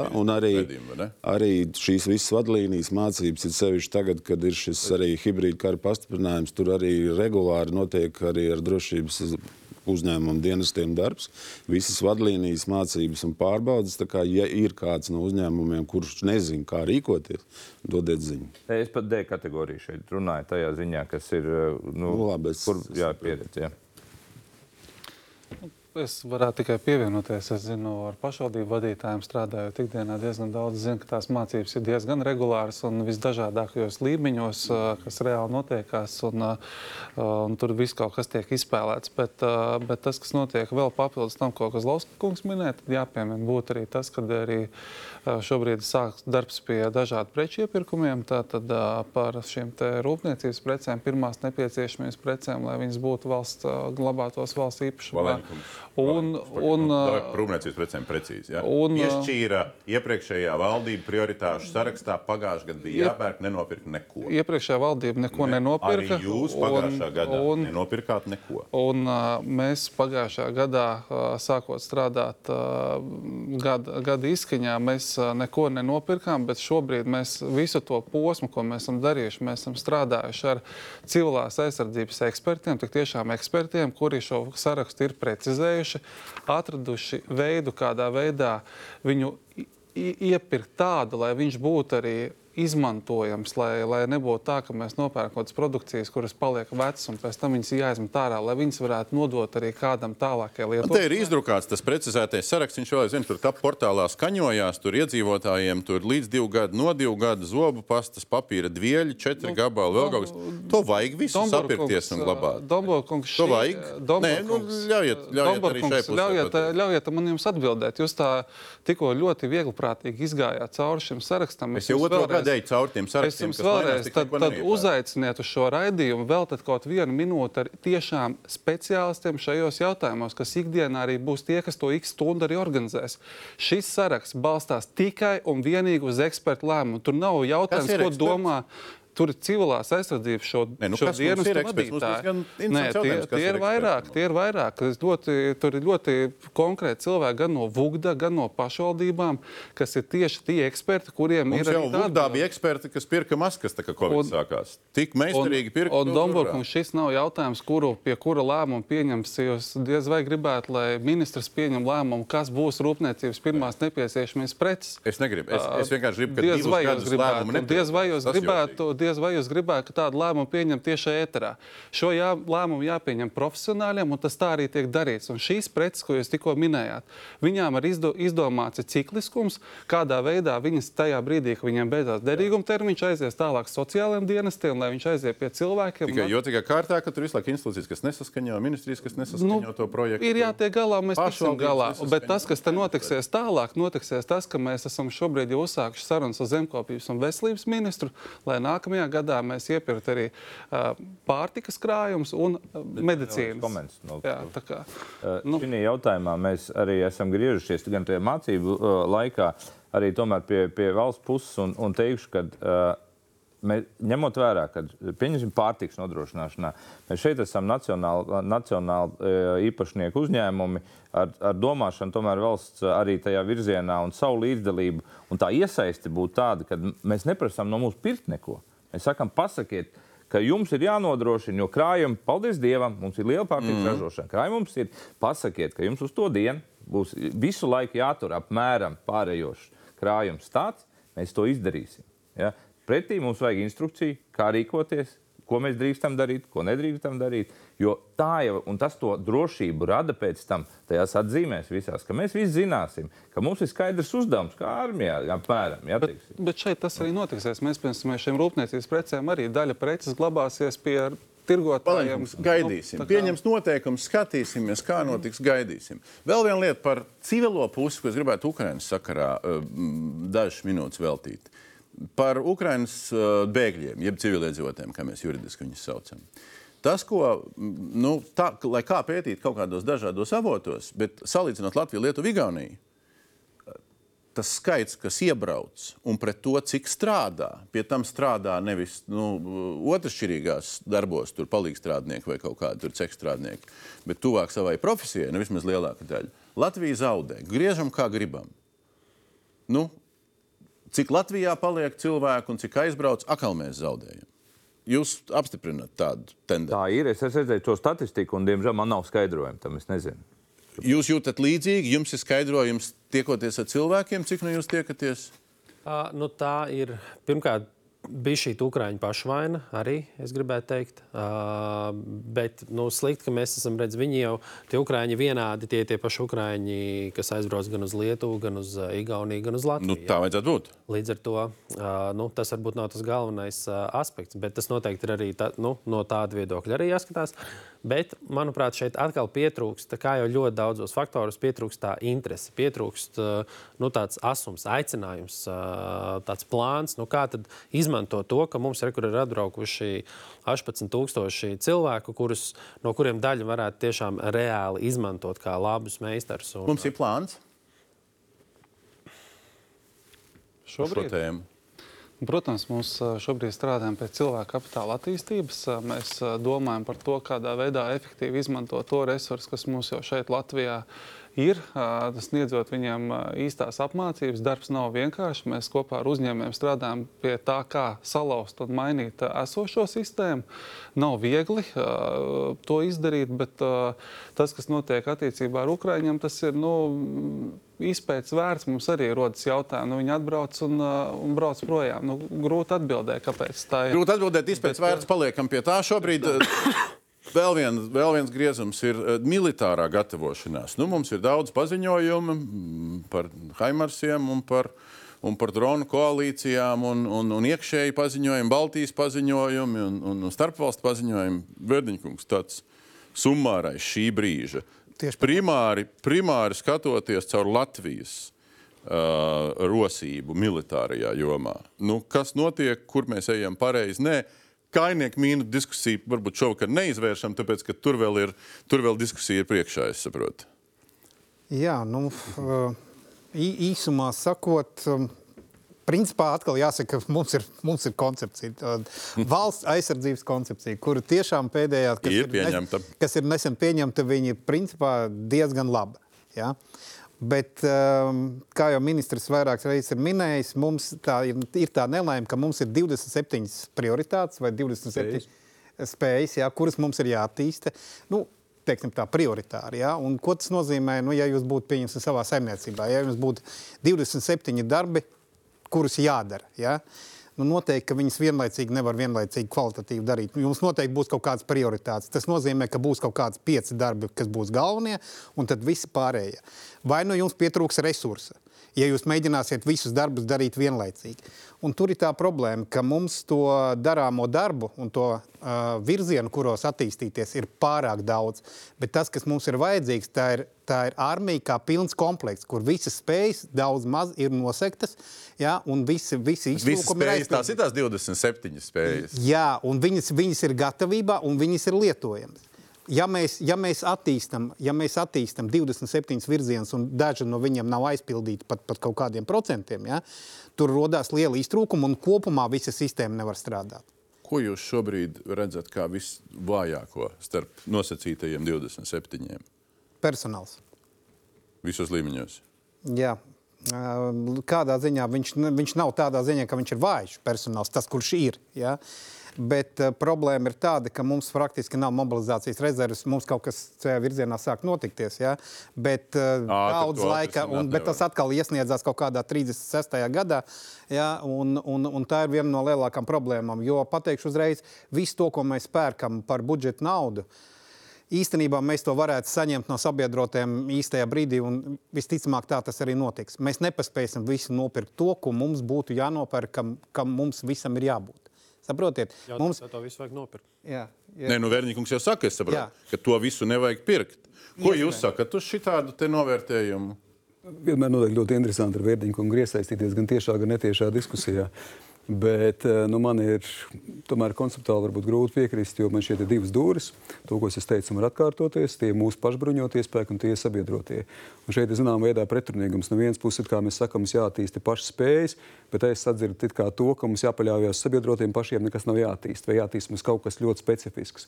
Nu, kopumā mums jāattīsta savas spējas Viss tas, kas ir nepieciešams, lai mēs nosaktu ilgtermiņā, jā, NBS attīstības plāns ir 12 gadi. Tā to nosaka likums, un tam ir sava loģika arī, ka mēs attīstāmies ilgtermiņā. Pagājušajā gadā ir parakstīti ļoti konkrēti tie uzstādījumi, kas tika izvirzīti bruņoties spēkos kā galvenās prioritātes - raķešu artilērija, pretgaisa aizsardzība, krasta aizsardzība, tie, kas absolūti bija strateģiski iztrūkumi, un tur ir konkrēti soļi ir spērti. Piekritīšu, noteikti, ja mēs runājam par cilvēku resursu, ka tur vēl ir darāmais gan kvantitīvi, gan kvalitatīvi. Par kvalitāti redzamies arī valsts kontroli. Vairāk bijuši arī konkrēti ļoti pētījumi un ļoti, es domāju, ar labiem, ar labiem ieteikumiem, kas tiek arī īstenot par to, kā mēs sakārtojam. Tā skaitā arī šīs strateģiskās vai kopumā karavīru rezerves. Šobrīd ir veiksmīgi, mēs virzāmies uz priekšu arī skaitliski un ne tikai skaitliski, kvalitatīvi ar valsts aizsardzības dienestu ieviešanu. Pagājušajā gadā 300 jaunieši, šogad 600 jauniešu. Mēs esam izsludinājuši ceturto iesaukumu. Tā kā šeit es redzu virzību Un, protams, arī sabiedrotiem milzīgs projekts tas ir kopumā, bet tas neatiecās tikai uz sabiedrotajiem, bet arī tā skaitā, lai nodrošinātu gan šos jaunos karavīrus, gan arī principā, šīs karavīru rezerves, ir infrastruktūra. Tā kā šeit ir lieli projekti. Tas ir pareizi, visam piekrītam, ja tas ir savādāk. Un, un, kur tie, un kur tiek arī konkrēti parādīt, jā, jā, es ma maziņu piebildi. Es, es atkal teikšu, jā, laika mums Laiks nav tam. Es, to, tas, ko es gribu teikt, protams, ka mums vajag attīstīt un pirkt. Acīm redzot, tā arī notiks notiks. Tā arī bet, notiek. Jā, bet tā arī notiks. Bet iespējams, ka notiek. mums, to, mums tos resursus vajadzēs varbūt rīt, varbūt parīt, varbūt pēc gada, nevis 30. gadā. Tāpēc es arī saku, ka no sabiedrotēm mums ir nepieciešams mehanizētās divīzijas komplekts, un tad mēs varam lēnā garā plānot savus budžetus un pirkt vietu. Pagaidiet, bet te uzreiz tomēr nu, man ir jārēģē arī, jo es no vienas puses varu piekrist, no otras puses tomēr nekādā lēnā garā nē. Mums ir jā, jāreģē un jāveido savas spējas ātrā garā. Par to jau principā šeit ir runa. Un par to jau Vērdiņkungs jūs pats rādiet uz pulksteni. Ātrā garā mums jāveido savas spējas. Un nav mums tik vienkārši to izveidot, jo mēs esam gatavi, mēs arī pērkam, bet tikai tas, ka piegādes prasa kaut kādus dažus gadus. Uz iepriekš minētajām spējām tas prasa dažus gadus. Bet runājot par sabiedrotēm, jā, Šobrīd nāk iekšā kanādieši ar saviem tankiem. Zviedri nāk tikko arī deklarējuši to, ka viņi nāk iekšā ar savu bataljonu, kas ir mehanizēts bataljons. Līdz ar to arī šobrīd skaidrs, ka arī mūsu aicinājumi ir, lai nāk iekšā sabiedrotie savām spējām, it tīpaši tām spējām, kuras mēs iegūsim pēc dažiem gadiem, kad tās tiks nodrošināts. Tiem ir piegādāts. Mēs redzējām divas pozīcijas, lai ļaudis vērtē un, un, un, un, un domā. Vienu jautājumu par militāro es gribēju vēl pielikt klāt, jo tur man drusku no uzņēmējiem, es nezinu, vai Bitskungs pārzina šo jautājumu, bet no uzņēmējiem ir tas jautājums. Drona koalīcija. Jā. Tas ir publisks stāsts, septiņas valsts plus Ukra, Ukraina, tad astoņas. Uh, daudz politisku paziņojumu. Uh, Un pretī man cilvēki nu, konkrēti, kas jau strādā ar Ukrajinu, kas jau organizē dronu uh, ražošanu, pirkšanu, piegādi, saka, nu, visi baigi forši. Bet nu, es gan izcitēšu, ja nu, visas problēmas jau atdurās pret darba organizāciju. Saka, viņi saka, mēs nezinām īsti, kas ir atbildīgās personas tur, kas īsti, vai vispār ir skaidrs, cik, ko, kam, kad, kā. Nu, mēs varam es definēt, vai mēs to zinām. Absolūti var nodefinēt. Pilnīgi. No. Šeit absolūti ir jābūt skaidrībai. Ja, ja nav kā, kāda skaidrība, tad noteikti var griezties ministrijai. Ministrijai ir izveidot konkrēti arī grupa, kas koordinē šīs lietas, trīs lietas. Pirmkārt, nu, varbūt tas pavisam tikai tāds sīkums, bet deviņas valsts noteikti papildināsies. Uh, kopā ar Lielbritāniju mēs to vadām. Decembrī pats bija Ukrainā. Uh, mēs vienojamies konkrēti ar Mēro kungu, ar manu kolēģi par to, ka mēs ejam uz priekšu uz dronu koalīciju. Droni tiešām ir svarīgi. Uh, pirmais ir tas, pagāja zināms laiks, no Ukrainas puses mums jāsaņem tas, kas ir Ukrainai vajadzīgs konkrētās vajadzības, kas Ukrainai ir nepieciešamas. Mēs vispār līdz tam Jā, esam tikuši? absolūti. Mēs esam tikuši konkrētās vajadzības nodefinētas, viņas mums ir iedotas. Uh, otrā lieta ir tā, ka mums, protams, ka bija jāveido ar zināmā veidā šī miedarbība Rāmsteins formātā, kas ir viena no koalīcijām. Mēs šo koalīciju izveidojam, valsts tikko ir arī pieteikušās, mēs esam izveidojuši. Darbojās arī starptautiskā dimensija, tikko bija tikšanās. Uh, un trešā lieta uh, - mūsu paša industrija. Uh, Visas šīs specifikācijas konkrētas ir nodotas. Mums bija tikšanās ar uzņēmējiem, Uh, janvāra beigās bija pirmā lielā tikšanās, kura. Nē, nē, nē, pagaidiet. Es zinu, ka konkrēti, par no... Es bija- to zinu. Ļoti tie, labi. Tie cilvēki, kas zina par to tikšanos, un Tur- saka, ar darba organizāciju īsti nav skaidrība. Tur ir konkrēti nodefinētas specifikācijas, tur Nu, ir konkrēts nodefinēts Publikai prasības. vienkārši, nu, piemēram, pasaulē tagad skaita, cik kura valsts ir tankus un, un, un, un pretgaisa tāda aizsardzība. Šī ļoti konkrēta CNN šito saskaitījis, vai ne? Un, un vēl. Cik dronus mēs Latvijā saražosim? Kādā termiņā? Es šobrīd nesaukšu par skaitļiem, bet es ska- ska- saukšu summu. Konkrētā summa ir vi- eh, 10 miljoni. Kas... Desmit miljoniem var mazu dronu, milzīgu dronu. Tie ir dažādi Nu, droni. līdz ar to mēs runājam. ar es, ne, es, es negribētu šobrīd iet detaļās, ko Ukraiņas puses konkrētas specifikācijas ir prasījis. Tās tiešām vairāk mēs runājam par daudzskaitlīgiem maziem droniem. Daudzskaitlīgi mazi droni. Bet ne- Tas uh, cilvēks, kas ir galvenais atbildīgais Latvijā par dronu koalīciju, neskaitot ministru, ir noslēpums? Ne, tur ir darba grupa, kurā teiksim, ir Vada konkrēti. kāds darba grupa? Nu, tu, tu šobrīd es domāju, ka ir konkrēti cilvēki, es varu nosaukt, bet es domāju, šeit nav Nu, vajadzīgs lai konkrēts cilvēks. Nē, nē, ir iesaistīti gan militārajā pusē eksperti un cilvēki, kas Par tiem koordinē, uzņēmējiem, gan, kas interesējās, viens cilvēks atbildīgais. ir konkrēts dronu, dronu e-mails var rakstīt, un jebkurā gadījumā konkrēts, atbildīgais. konkrēts atbildēts. Bet tas nav Labi. par dronu e-mails, šeit ir konkrēta darba grupa, kas strādā un var griezties jebkurā brīdī. Mēs esam gatavi atbildēt. Šeit dronu koalīcija tā, kas vēlās iesaistīt vietēju industriju. Labi, uz šī fona un tuvojoties raidījuma noslēguma rezumējumiem, otra aptauja. Otra aptauja, kas saistās, kā mēs palīdzam, kā mēs kaut ko mainām un kas mūsu sabiedrībā īstenībā notiek. Man liekas, ka tas ir visinteresantākais. Tad mēs paņēmām nu, tā vai citādāk, bet tomēr to dilemmu, ka viens ir uh, kara iznākums, kas nozīmē Krievijas armijas patriekšanu no Ukrainas. Nu, var teikt, 91. gada teritorijā, var teikt, 2014. kad cilvēki, kas varbūt jaunāki, tur varbūt to labāk saprot. Ja? Un otrs variants ir visi tie stāsti pamieri un teritoriju pārdales, iesaldētais konflikts simts dažādos juridiskajos formulējumos. Mēs uzdevām vienkārši jautājumu. Aizdītā vikenda aptauja, tūkstots cilvēku atbild, sekojo šī. Latvijas sabiedrības spogulis, sociāldemografiskais SKDS atlasīts. Pat līdz pilnai pusei nav tādu, kuri saka, ka viņi atbalsta visas Ukrainas teritorijas atbrīvošanu no Krievijas armijas kā kara iznākumu. Grūti pateikt ar 16,5%, un vairāk kā trešdaļa pasaka, ka viņi akceptē Ukrainas eh, kara darbības pārtraukšanu, pat ja Ukrainai ir jāpiekāpjas. Un tas viss tā fona, ko mēs šodien izrunājām. Kas šis ir un ko mums no tā secināt? Es teiktu, tādā noguruma līmenī atbildēts. Bet nu, es viennozīmīgi atzīmēju zilo. Nu, ka Jūs sakat, ka sarkanais ir noguruma līmenis. Es tā, nu, es tā uzskatu, jā. Citi piekrīt, kas nepiekrīt, kas redz citādāk šo situāciju. Es domāju, ko redzējums sākās, to redzējums arī beidzās. Nu, ka šis ir izturības karš. Nu, Vēl nebeidzās, vēl nebeidzās. Okay, vēl, vēl, vēl, Vēl nebeidzās. Jā, Vēl nebeidzās. Bet, bet tas, tas parāda to, ka es domāju, daļai Latvijas sabiedrībai nu, šis karš tiešām rada uh, reālas grūtības, finansiālas un uh, visādi citādi grūtības, ko viņiem ir grūti. Un, uh, Un, protams, tajā, tajā nogurumā šāda atbilde radās. Bet uh, tas, kas mums jādara, mums ir uh, no savas puses jādara viss iespējamais. Arī valdībai jādomā par kaut kādiem kompensējušiem mehānismiem. Nogurums un kompensējošie mehānismi šo rada. Ko politologs saka, vai tur nav kaut kas dziļāks apakšā? Jautājums Domarkungs man. Arī. Jo, jo, jo vienkārši tas, ko jo, jo šis, bija, šis bija risinājums, kā mēs nu, atceramies tās pirmās aptaujas, kas atbalsta Krieviju, kas atbalsta Ukrainu. Ja? Un tad bija tāds pozitīvisms nākamās aptaujās, ka tad, Krievijas atbalstītāji ir, uh, ir samazinājušies. Uh, un, šis, un, un pēc tam man smējās sociologi. Viņi teica, nu, vienkārši, nu, zinām, publika zina, kā atbildēt. Un šis ir tāds slēptais. Jo, ko es gribu pateikt? Tikai puse atbalsta Latvijas valsts oficiālo politiku. Tā ir Latvijas valsts oficiālā politika, tas zilais. Un to atbalsta puse. Es domāju, ka puse nav maz. Skaidrs, ka mēs vēlētos, lai būtu vairāk. Skaidrs, ka tieši tā šeit ir zināmā veidā teiksim, šis emocionālais fons.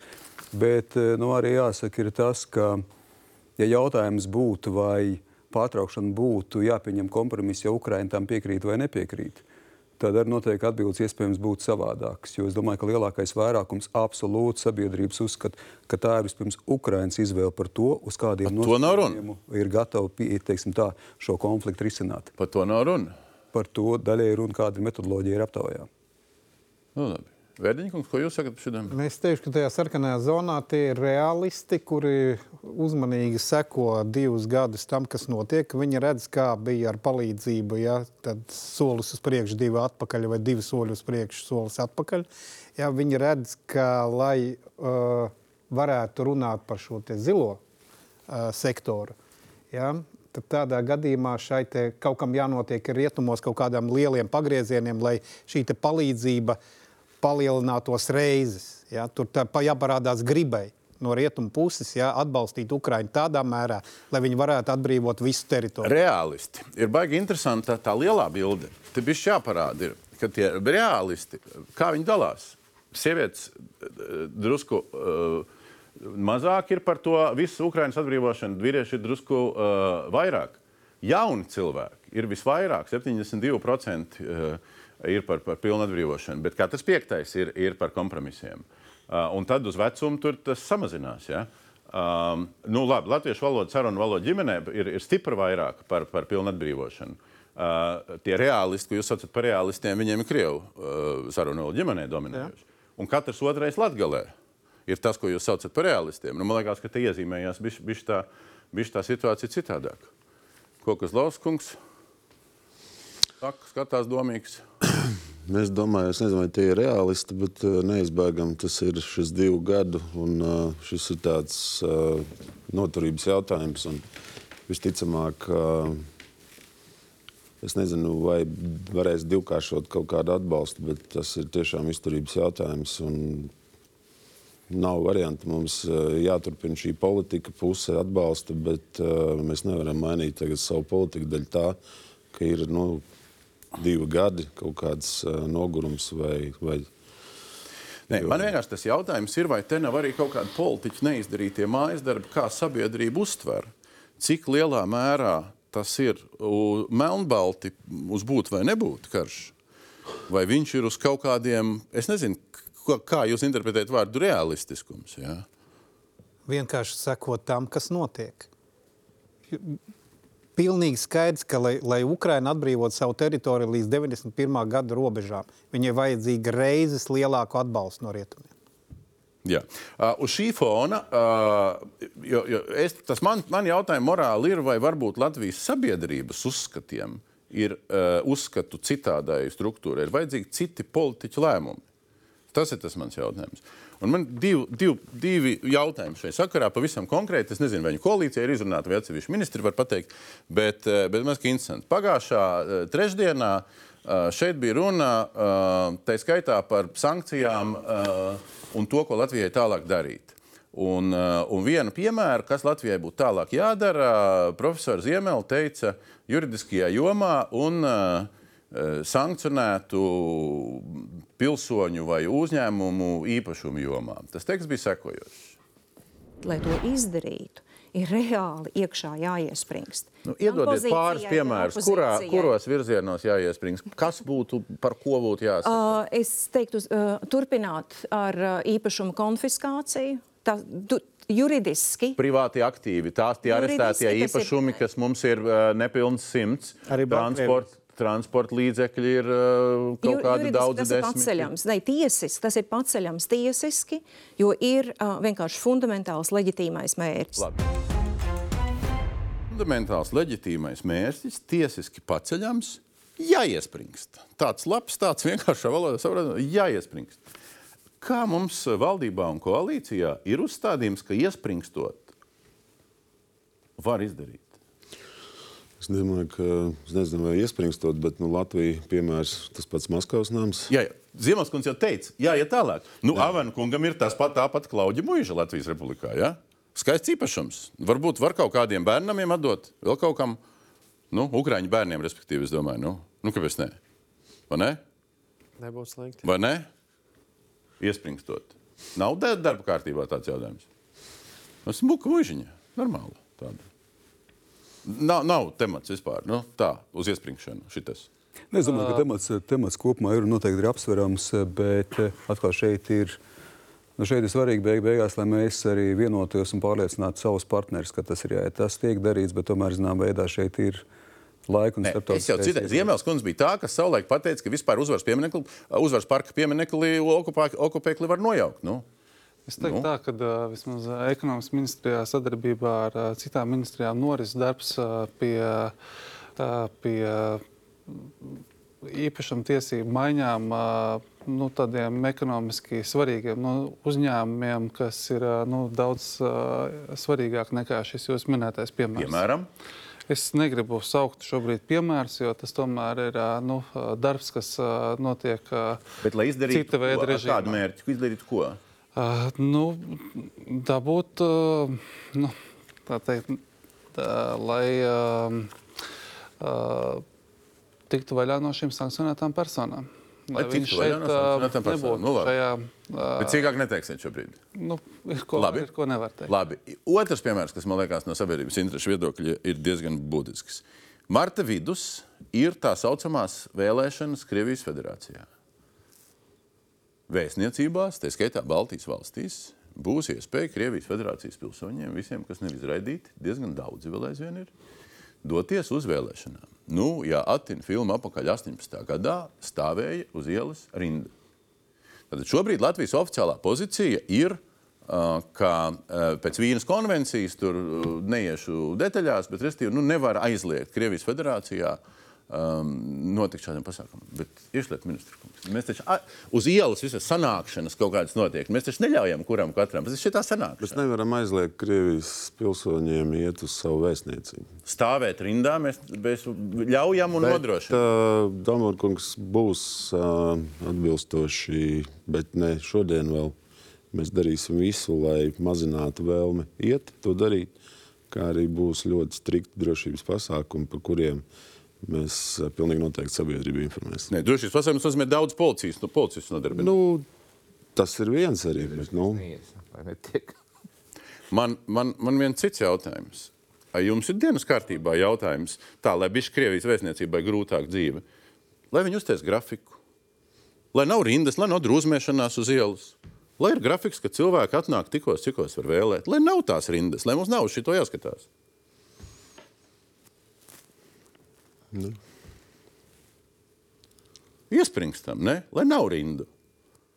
Nu kā, ja viņiem paprasīs uztaisīt grafiku, nebūs rindas Ja, nu, jā, nu, ja rinda ar traucē, iepriekšēju pieteikšanos. ja rinda traucē sabiedriskai kārtībai, drošībai, valsts policijas priekšniekam ir tiesības. Trau, es iešu tur pa turienu, nu man pat, pat dzīvībai pat, eh, pat uh, var apdraudēt. Nu.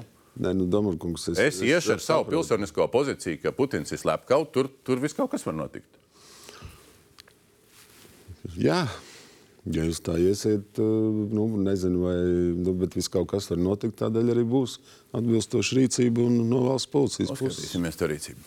Uh, rezumējot šo sarunu un skatoties uz turpmāko izturības, kas to zina? Gadu, diviem, trijiem. Um, ar kādiem iznākumiem rēķinoties, domājot par kādiem starptautiskiem procesiem, Latvijā ir jādara kādi mājas darbi, nu, politiķiem primāri, bet ne tikai, arī privātam sektoram, jebkuram. Ja? Kādi mājas darbi, lai mēs iespējami vairāk parūpētos par savu, nu, un, protams, Ukraiņas drošību. Jebkurā virzienā.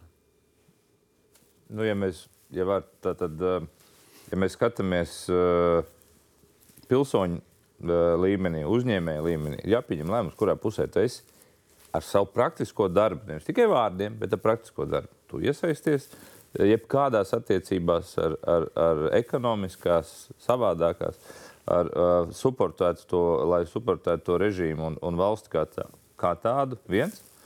Otrs, kur ir svarīgi valsts puses iesaist un sabiedrības iesaist, tiešām sākt sabiedrību iesaistīt praktiski uh, valsts aizsardzības uh, stiprināšanā, ar to pašu civilo aizsardzību, uzņēmējus iesaistīt. Viņi ir gatavi. Mēs gaidām to, lai nāktu mums dotu darbus, uzdevumus, parādītu mūsu pienākumus un vietu.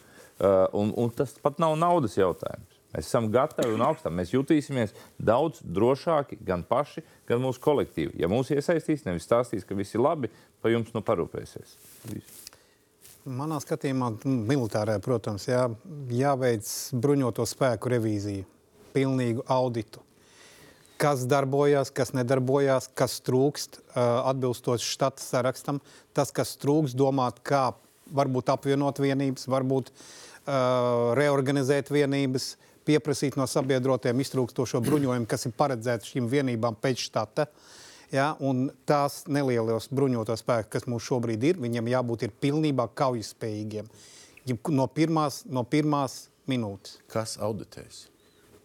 Nu, bet tas À, jā, es pateikšu, kas auditēs. Mu, varētu, varētu būt darba grupas un uh, sabiedroto komisijas. Ah, bet tas Attiecīgo ģenerāļu var, var arī atvaļināt to. Es neesmu, protams, militārās jomas eksperts, bet cik es zinu, pašlaik spējas, kas ko attīsta aizsardzības ministrija un MBS, viņas ir kopsakarā ar konkrētu plānu, kas tiek skaņots NATO līmenī ar visu vienību ko- koordināciju. Tad eh, nu, tas jau nav tā. Ja NBS attīstīja kādu spēju, viņi pilnīgi noteikti tiek nokomunicēti NATO līmenī, un tas tiek viss atbalstīts. un Tieši otrādi kontrole ir no tās puses. uzreiz bija reakcija. priekšu. Uzreiz bija reakcija. Rūdikungam arī bija reakcija. Nu, protams, ka bija reakcija, jo paldies, eh, paldies arī Gazlovskungam, bet eh, paldies arī Vērdiņkungam par, kā saka, vienmēr interesanto diskusiju. Jāattīsta bruņotie spēki atbilstoši tiem plāniem, kas tiešām ir saskaņotai skaitā ar mūsu NATO sabiedrotajiem. Un mums ir reģionālie plāni, kas šobrīd ir arī NATO līmenī. Šobrīd to plāni, tie plāni ir jāievieš. Un es tomēr gribētu teikt, ka mūsu bruņotie spēki ar visām spējām ir šobrīd gatavi un spējīgi arī droši aizstāvēt valsti. Skaidrs, ka vienmēr var pilnveidoties, skaidrs, ka vienmēr var arī iesaistīt aktīvāk šajā civil-militārajā mācībās. un Noteikti to mēs ņemsim arī vērā. Bet šobrīd mums ir kaujas spējīga, bruņotie spēki, sabiedrotie palielina savu klātbūtni. Es tomēr vēlētos. Nu, būsim realisti. Būsim tas, realisti. kas ir uzrakstīts, a, nosargāt no pirmā centimetra, nu, tas ir atkarīgs no tā, kāds tev ir pretspēks. Nu, apgalvot tā, kā jūs tagad apgalvojat, mēs varam visu, jebkad pret jebko. Nu, nemānīsim publiku, nu, ir reālie spēku samēri. Tā ir NATO pieeja. Tas nav par Latvijas tikai pieeja. Tā ir NATO pieeja aizstāvēt no pirmā centimetra. Tas nozīmē, ka šeit vairs nav tikai atturēšanas funkcija, Jā. uz ko strādā kopā gan Latvija, gan sabiedrotie, uz aizstāvēšanas Un mūžīgais No jautājums, kurā mirklī piektais pants iedarbojas? Nu, to es kurā domāju, ka mirklī mēs varam piektā attīstīt. panta stāsts to mēs strādā? varam attīstīt citu diskusiju. Tur, protams, ir vēl papildus plāni. Attīstīs. Attīstīsim. Reģionālie plāni viņas samitā ir apstiprināti. Tā kā es šeit tomēr gribētu teikt, ka NATO ir spēcīga un arī šobrīd vienot ar saviem jautājumiem un izaicinājumiem. Bet kopumā šeit ir tā jauda iekšā, un arī mūsu bruņoties spēki noteikti ir ļoti spējīga daļa no kopīgiem plāniem un kopīgām spējām. Ministri pārņem iniciatīvu. Uh, Īsais rezumējums, rez- rezumē varbūt uh, iepratīm Bitskungam teikiem, varbūt pilnīgi kam citam, lai mēs labākas atzīmes dabūtu no vēlētājiem un uh, līdz ar to labāku cilvēku iekšējās drošības sajūtu. Nu, es domāju, ka tajā drošības jautājumam, lai kā būtu, viņam jāstāv pirmajā vietā, ir pāri visam. Un, tā, un par to, to jāsaprot gan mūsu uzņēmējiem, gan ikvienam. Un jāturpina mērķiecīgs darbs tajā virzienā, kur Latvija iet. Diskusijas rosinot ne tikai Latvijā, bet arī Eiropas līmenī, rosinot ar saviem kaimiņiem, kas te mērķiecīgi notiekās. Tikko 13. sankciju pakete. Un, lai kā būtu, mēs redzam, ka tās ekonomiskās sankcijas viņas jau dod rezultātus. Viņas, piemēram, Gazprom šobrīd jau parādās finanšu grūtības. Ja. Ir jāiet mērķiecīgi, jāiet solis priekšā, lai tās, par ko mēs runājam šeit Latvijā, nav Eiropā vienota izpratne. Esmu, esmu runājis ar zemkopības ministru, kur viņš man stāstījis, kāda ir sajūta runājot Eiropā ar kolēģiem pie galda. Nav tā, ka visi ir vienās pozīcijās ar Latviju. Ir pilnīgi dažādas pozīcijas. Un Bet jāpanāk, Latvijā- lai visi to Valēņkungs, saprot. Ja nu reiz pie, piesaucāt Gazprom, Latvija varēja neļaut Gazpromam saņemt dividendus no Latvijas gāzes par pagājušo gadu. Paispagājušo no jau. Gan iz 50 miljonus. Vai nevarēja? Nu, Grūti nokomentēt Grūti nokomentēt. Labi, pie tā paliekam. Novikungs, kā jūs redzat? Pusgadu, gadu, divus, trīs, nezinu cik uz priekšu. Jā, nu es teiktu, ka stingri jā, jāturās tomēr pie ekonomiskajiem ierobežojumiem un tiešām jāmutina gan uzņēmējus, kuriem ir varbūt bail nu, no tā, ka viņi pārtrauks savas attiecības un viņiem būs peļņa nevis tur 10 miljoni, bet tikai 5. Nu, un tiešām jāizvērtē, kad to attiecību pārtraukšana ir kritiski svarīga un kad tas ir vienkārši peļņas samazināšanās. Un pie tā ir tomēr aktīvi jāstrādā un ar to ir nu, jākomunicē un, un jāmeklē varbūt kopīgi, varbūt jāaicina uzņēmējus no sadarbībā ar, sadarbībā ar ministrijām meklēt risinājumus. Varbūt tur vai, vai ar, nu, ar, ar dažādām organizatoriskām spējām varētu šos risinājumus, manuprāt, atrast. Un otrs, nu, ļoti svarīgs ir tas krīzes vadības centra izveide, civilās aizsardzības, tādas drošības sajūta. Un, ja aizsardzības ministrijā nu, jūtami ir attīstība, tad man ir tāda sajūta, ka iekšlietu ministrija tomēr kaut kā velkās nopakaļus un velkās līdzi. Diemžēl gan tādā finanšu ziņā. Man vienkārši žēl, tas nav pārmetums, man vienkārši žēl iekšlietu ministrijas struktūras, ugunsdzēsējs, kuri kakās painīja savos depo un, un tā tālāk. Un tā tālāk. Un, nu, sapratu, protams, ko es gribēju pateikt. Jā, jā, es varbūt pārspīlēju, ja? bet, bet tieši šajā līmenī arī mūsu iekšlietu struktūras sakārtot, nostiprināt, lai arī cilvēkiem, kas tur strādā, lai viņiem ir pašiem nu, tāda pārliecība, par ko viņi pastāv, ar ko viņi sadarbojās, ar ko viņi strādā, un ka viņiem būs uzņēmēji aiz muguras, kuriem būs kaut kāds resurss. Ar to arī noslēgsim. Ar to arī noslēgsim. Un tā uztaisīsim citu sarunu par, uh, par iekšējo drošību, kas Lauskungs apsolu, jo nāksiet, uztaisīsim iespējams drīz. Noslēgsim šo sarunu. Um, pēc trim dienām, otrā gadsimta, man gribētos citēt to iepriekšējo tekstu. Ir jāiespringst. Lai ko Eiropa, lai pašiem ir jāiespringst. Paldies par sarunu. Paldies skatītājiem par uzmanību. Turpinājums sekos. Paldies!